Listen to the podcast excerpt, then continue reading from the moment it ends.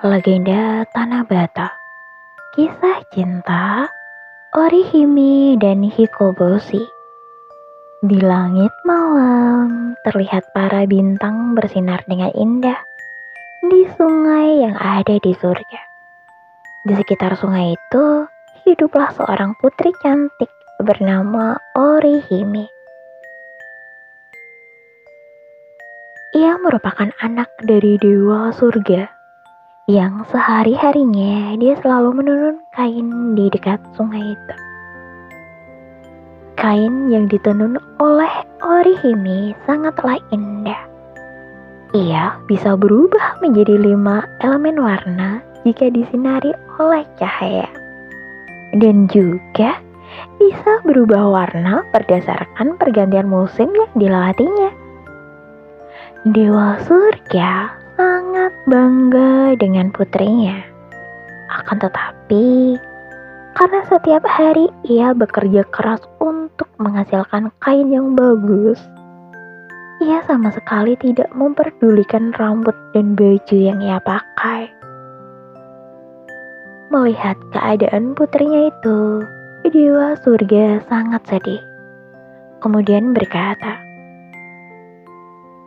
Padahal Orihime sebentar lagi menginjak usia dewasa. Tapi kasihan sekali jika setiap hari pekerjaannya hanya menenun dan menenun. Bagaimana kalau aku carikan seorang calon suami untuknya ya? Dewa surga kemudian bergegas mencari seseorang calon suami untuk anaknya. Adakah calon suami yang pantas untuk Orihime di suatu tempat? Kata sang dewa surga mulai putus asa. Ketika dewa surga berjalan di sepanjang tepi sungai di surga ia bertemu dengan seorang pemuda yang sedang mengurus sapi-sapi di ladang. Pemuda itu bernama Hiko Bosi. Ia adalah seorang pemuda pekerja keras. Setiap harinya, ia memberi minum dan mempersiapkan pakan untuk sapinya. Ia bahkan mengurus semua pekerjaan di ladang sendiri tanpa istirahat.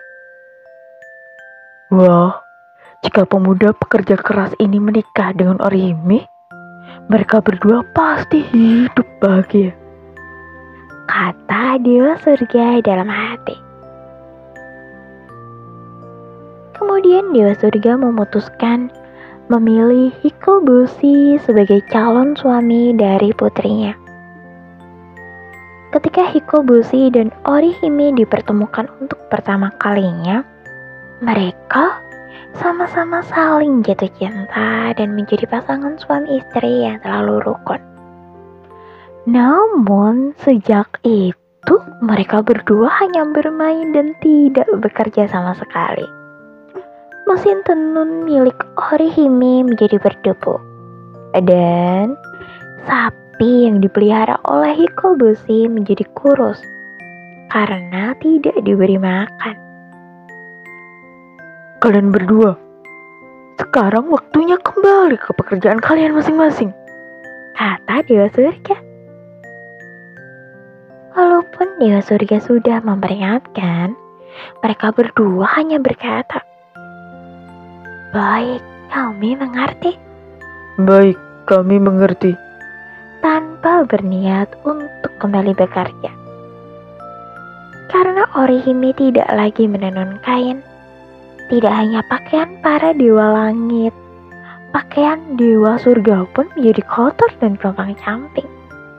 Dan karena Hikoboshi juga tidak bekerja, ladang tempat ia bekerja dulu banyak ditumbuhi rumput tinggi. Hasil panen menjadi layu, dan sapi-sapi akhirnya jatuh sakit. Aku tidak akan membiarkan hal ini terus terjadi, kata Dewa Surga. Dewa surga sangat marah.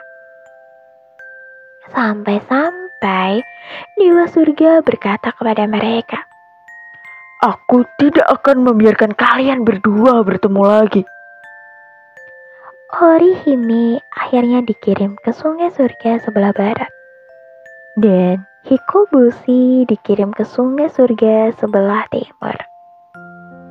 Dengan begini, mereka berdua terpisah jarak sangat jauh. Sehingga untuk bertemu mereka pun tidak bisa.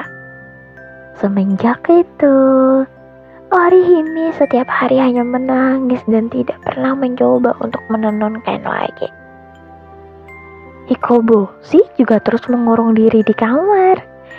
Ia tidak menghiraukan sapi-sapinya yang sedang sakit. Sehingga penyakit sapi-sapi itu semakin memburuk.